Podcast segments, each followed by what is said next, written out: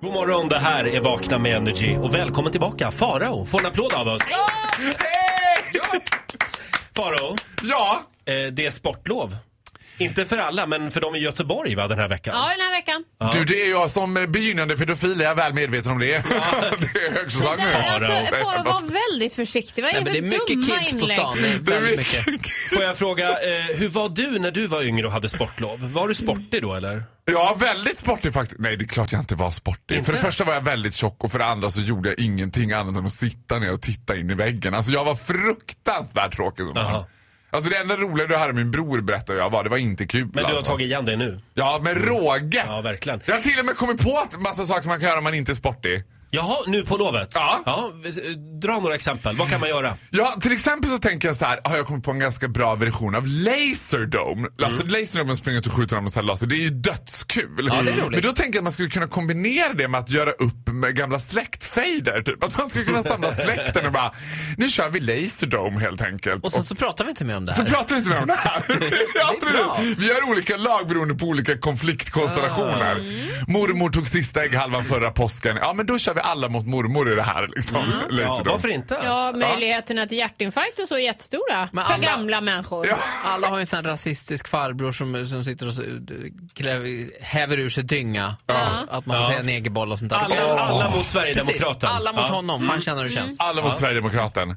Ja, sen har jag kollat upp en annan ganska rolig grej. I Sigtuna, där kan man bygga en vikingakatapult. Det hade jag tyckt var ganska Åh. kul. Det är Jag kan ganska testa. våldsamma grejer. Då kan, man ju säga, då kan man ju säga så här till sitt one night stand, du ska gå nu va? Och så, sätt, sätt dig där.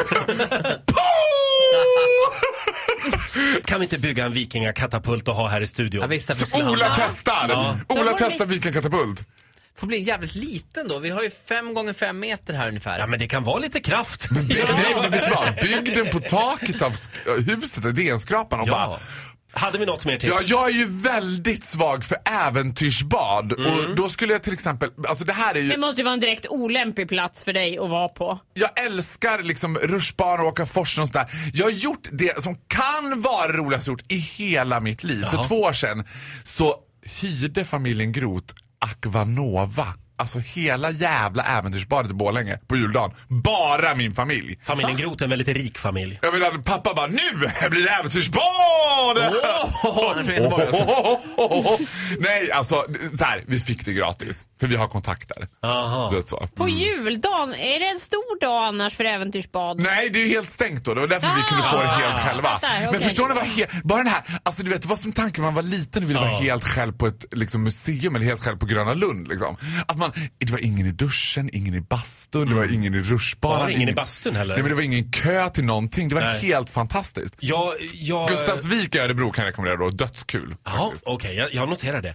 Eh, jag tycker att det är jobbigt med såna här vattenrutschkanor. Eh, kanor. Varför det? Varför då? Nej, men jag är så paranoid, för jag är livrädd att jag tror alltid att det är något barn som har gömt sig i röret. Så du ska köra på eller? Ja, så att jag måste alltid först...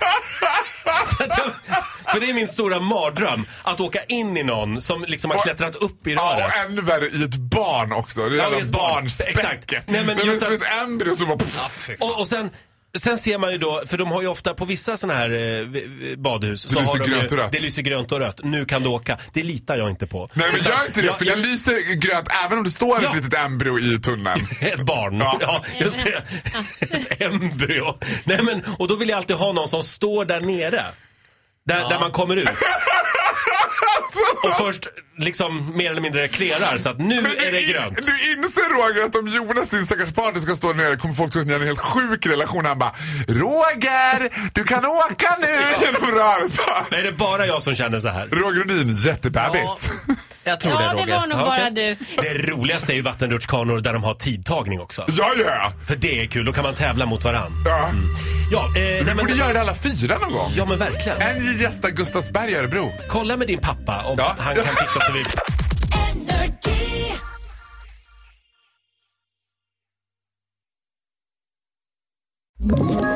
Ett poddtips från Podplay.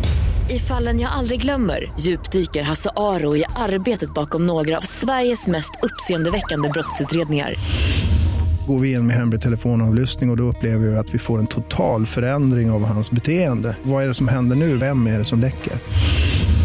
Och så säger han att jag är kriminell, jag har varit kriminell i hela mitt liv men att mörda ett barn, där går min gräns. Nya säsongen av Fallen jag aldrig glömmer på Podplay.